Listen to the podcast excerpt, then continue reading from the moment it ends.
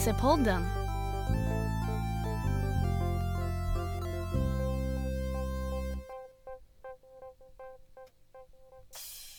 Hej och välkomna till ordförande och vicepodden. Jag heter Desiree och det är jag som är vice i podden. Och jag heter Sandra och det är jag som är ordförande i podden. Idag ska vi prata om organisering, vårt favoritämne. Och vi kommer också att avslöja en megastor och jättekul hemlighet. Eller hur? Ja, alltså det är en jättestor nyhet. Så lyssna på hela avsnittet så lovar vi att detta avslöjande kommer att ske någon gång innan den eh, sista gingen. Nu kör vi!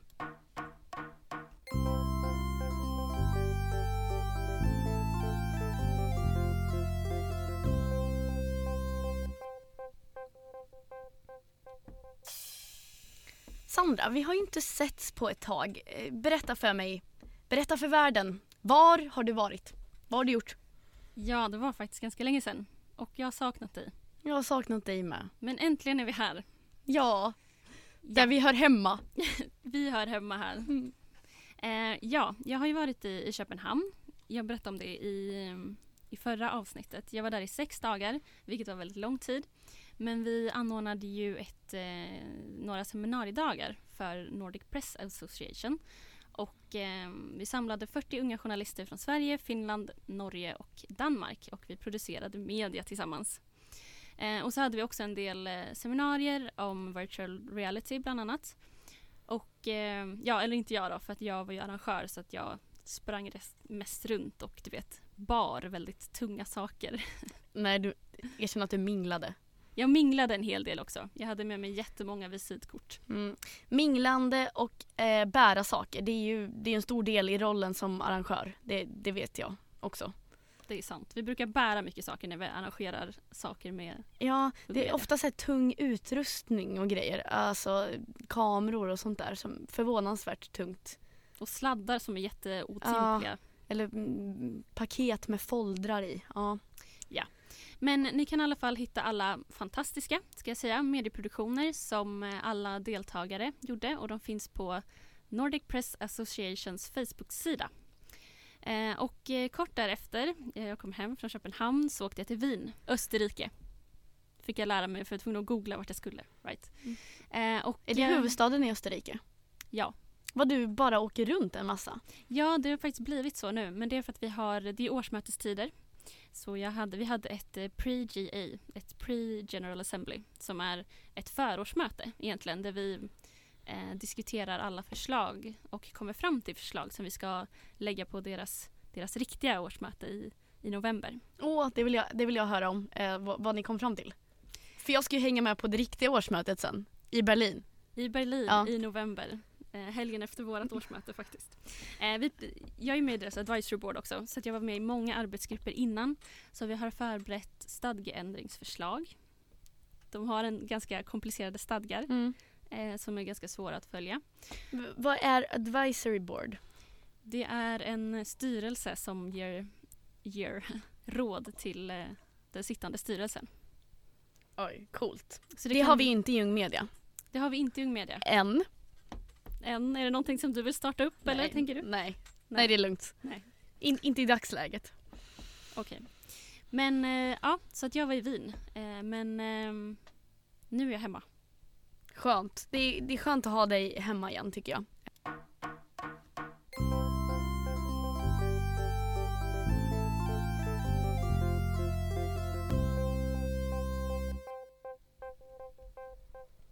Så, vi organiserar oss med andra ord både nordiskt och europeiskt. Eh, och i Sverige. Vi organiserar oss överallt kan man säga. Eh, och det är någonting som vi i Ung Media tycker är superviktigt. Eh, nu ska vi berätta varför i en eh, liten lista som vi har förberett. Varför det är viktigt att organisera sig. Ja, eh, och då har vi som satt som då första punkt Starkare tillsammans. Fler som går ihop och. Och sen så har du inte skrivit något mer i manuset. Men okej, starkare tillsammans. Det är ju nämligen så att om du, är, om du står ensam och är väldigt arg och upprörd över någonting och skriker till alla som har möjlighet att faktiskt påverka den rådande situationen så hörs det inte lika starkt. Men så fort, det kanske säger sig själv, men så fort du är flera så blir din röst starkare. Tänk alla klyschor som någonsin finns. Tänk dig att du är en droppe som faller ner i havet och ingen bryr sig om den droppen vad den tycker. Men får du med dig fler droppar så kan ni bli en hel våg och förändra massor. Eller om du är en rödlök och försöker göra en helt egen pizza men det blir bara en rödlök för att du bara är en rödlök. men tänk om du hade pizzadeg och så har du en ananas och så har du ost och då kan det bli en hel pizza istället. Oh, konstig pizza. Um, I alla fall, det, det, det, du, det du är inne på för oss ju till punkt två. Att eh, man ska vara olika komponenter som kompletterar varandra. För att när du organiserar dig tillsammans med andra så får du också lära dig av andra. Eh, det, det, blir nästan eh, lite motsägelsefullt mot det tidigare att det är sådär, ja men eh, tillsammans är vi starka för att vi har samma åsikt och vi kan föra den framåt. Men om man organiserar sig så kan man också träffa andra med andra eh, infallsvinklar, eh, åsikter på samma ämne och eh, lära sig och tillsammans bygga upp en ännu bättre ståndpunkt att driva framåt. Ja, och det är ju, för så är det ju verkligen och det är någonting vi jobbar väldigt mycket med i Ung Media också och eh, har gjort eh, framförallt i tidigare projekt också att hitta personer med olikheter till Ung Media för att det är det som vi blir, vi blir starkare av. För det är också när andra tittar på oss och de ser personer med olikheter och inte bara personer som ser likadana ut, nu pratar jag om representation, eh, så får du också fler till din kamp. Mm. Du menar eh, två vita blonda tjejer födda på 90-talet med jeansjacka, blåa byxor, Converse. Ja. Vi har lite att lära oss där kanske. Det har vi absolut. Fast alltså så här, eh, det, mot förmodan vad alla kanske tror eh, så är vi ganska olika du och jag också. Eh, på individnivå. Berätta mer. Eh, nej, det, det, är ett helt eget program tror jag. Vi går inte in på det nu. Um, vi har en tredje punkt på den här listan. Och eh, varför det är viktigt att organisera sig. Och det handlar om att lära sig föreningsstruktur. Alltså hur fungerar det egentligen att bilda en förening? Att ha ett konstituerande årsmöte, ha årsmöte varje år, välja en styrelse, ha en valberedning, ha stadgar. Eh, mycket sånt där som kan få många att eh, somna eller stänga av det här avsnittet. Det får ni inte göra för ni vet ju att det väntar en jättestor nyhet som vi kommer släppa, en hemlis. Så att vi kan med, eh, med lugn, skulle jag säga, fortsätta prata om stadgar och revisorer utan att någon stänger av eftersom vi snart kommer avslöja någonting som du inte vill missa. Exakt. Det, men det som är grejen med hela den här föreningsstrukturen och stadgarna och allting, om man tänker efter så är ju hela samhället uppbyggt på det här sättet. Alla organ eller företag eller partier eller vad vi nu, alltså alla som har någon form av makt eller kan bestämma eller utföra någonting är oftast organiserade på just det här sättet. Man har en styrelse, man har ett årsmöte, man har stadgar och så vidare och så vidare. Och det är superbra att lära sig det för då får man också en bättre förståelse för hela samhället. Och det är en jättebra demokratiskola för det är det som det är uppbyggt på. Varför du ska ha de här stadgarna som är regler för din förening är ju för att vi ska kunna garantera till bland annat bidragsgivare att vi har eh, medlemmar som är organiserade på ett demokratiskt sätt. Så det är också en fantastisk eh, demokratiskola eftersom demokrati i alla fall är det bästa som vi har just nu. Precis. Det, man kan komma på årsmötet och man kan vara frustrerad och arg att det går så långsamt och att det är tråkigt och att varför är det ingen som lyssnar på mig och mina idéer.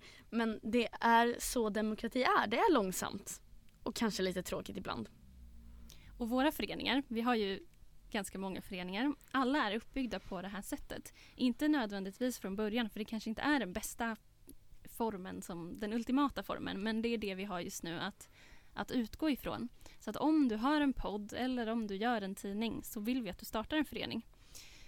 För att det är också en, en jättebra demokratiskola. Men det som, det som man skulle kunna jämföra då, vi säger att det finns en skoltidning på en gymnasieskola och att det finns en chefredaktör där. Ja, då skulle den kunna vara en ordförande och de övriga eh, redaktörerna eller de som skriver ofta i tidningen, de kan vara ledamöter. Och sen eh, de som kanske frilansar eller skriver ibland i tidningen, eh, de är medlemmar. och få komma på årsmötena. Ja, precis. Och vi har ju Enkel en, översättning. enkel översättning. Och vi har en, eh, en förening, bland annat, som heter One Day Seum. Som eh, vi på Ung Medias kansli var med på deras tystnadsmanifestation. Eh, och de jobbar ju för att eh, fria eh, journalister och opinionsbildare i Eritrea framförallt. Eh, de som har startat föreningen, deras morbror Seum. Att fria honom, han sitter fängslad 15 år i fredags när vi spelar in det här. Eh, och eh, de har ju organiserat sig på det här sättet i föreningsform. Eh, och då har de organiserat sig på det här sättet. De skapar en, en manifestation som nu flera i flera olika länder har anslutit sig till. Och alla, Sejoms historia lever vidare tack vare, eller i alla fall de, de har använt det som ett medel för att få den här historien att leva vidare. En, en journalist som jobbar för yttrande och tryckfrihet, för pressfrihet, som sitter fängslad utan rättegång. Och det är jättemånga som, som ansluter sig till den här kampen. Och då är föreningsdelen en, en viktig byggsten.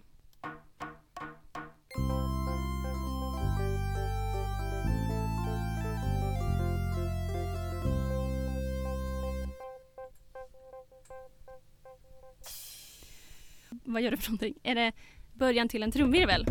Okej. Okay.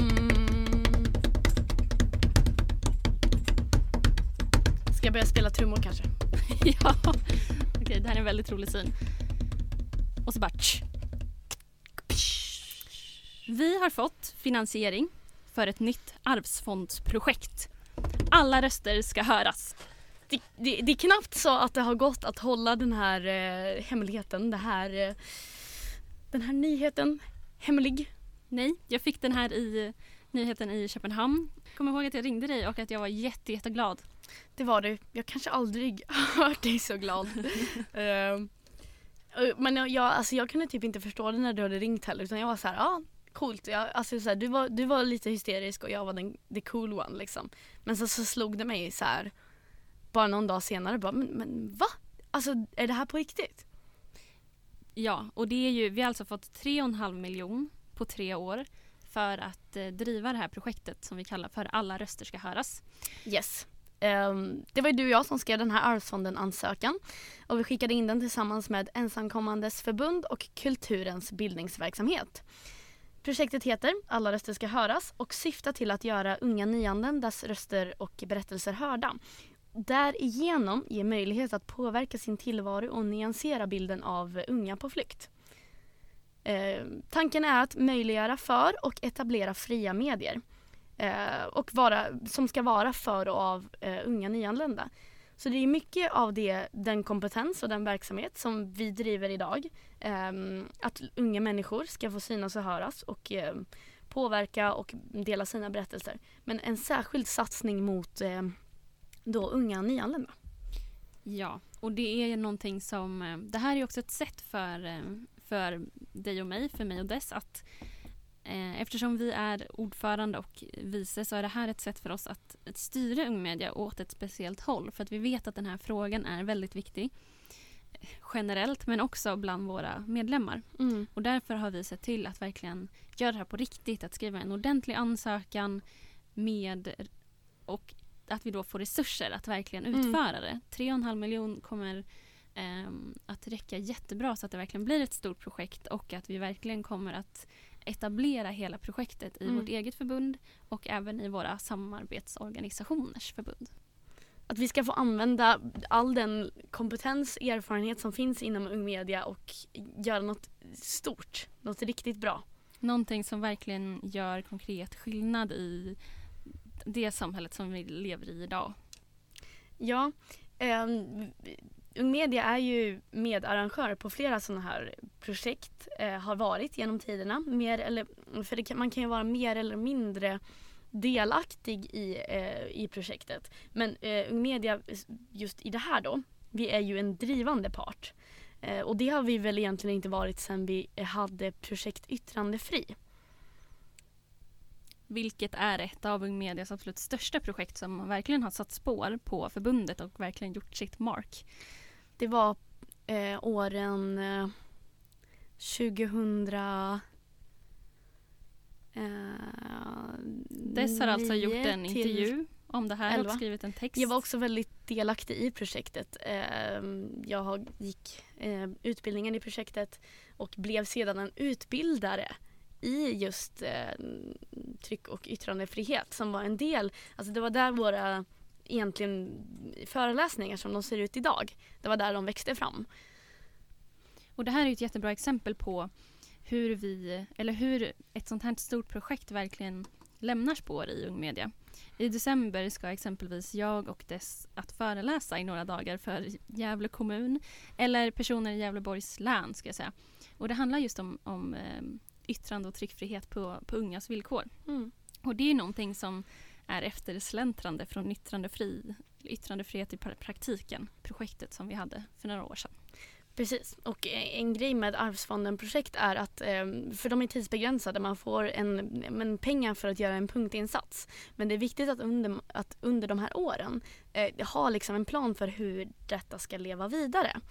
Och det kan man ju verkligen säga att eh, Projekt Yttrandefri eh, har gjort för att än idag håller vi de här föreläsningarna och det, det håller liksom, det funkar. Och det är precis det som vi eh, hoppas också att vårt projekt som vi har varit med och skrivit, som vi verkligen har jobbat med egentligen flera månader eftersom vi, eh, vi har tänkt på det väldigt länge. Vi har Mm. gjort mycket research och hälsat på våra egna föreningar som jobb, jobbar med liknande projekt. Och sen suttit ner och bara skrivit. Ja, jag skulle säga att vi har alltså, jobbat med eh, ansökan i, i den formen den är idag. Eh, sen, hela vår mandatperiod tillsammans, det vill säga sen eh, 1 januari 2016.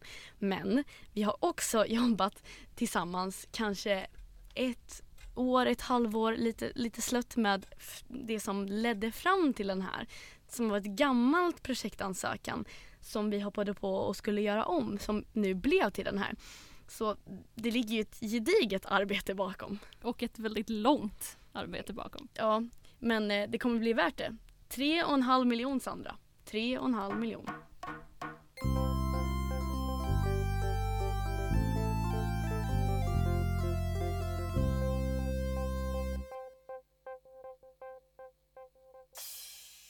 Ja du Sandra.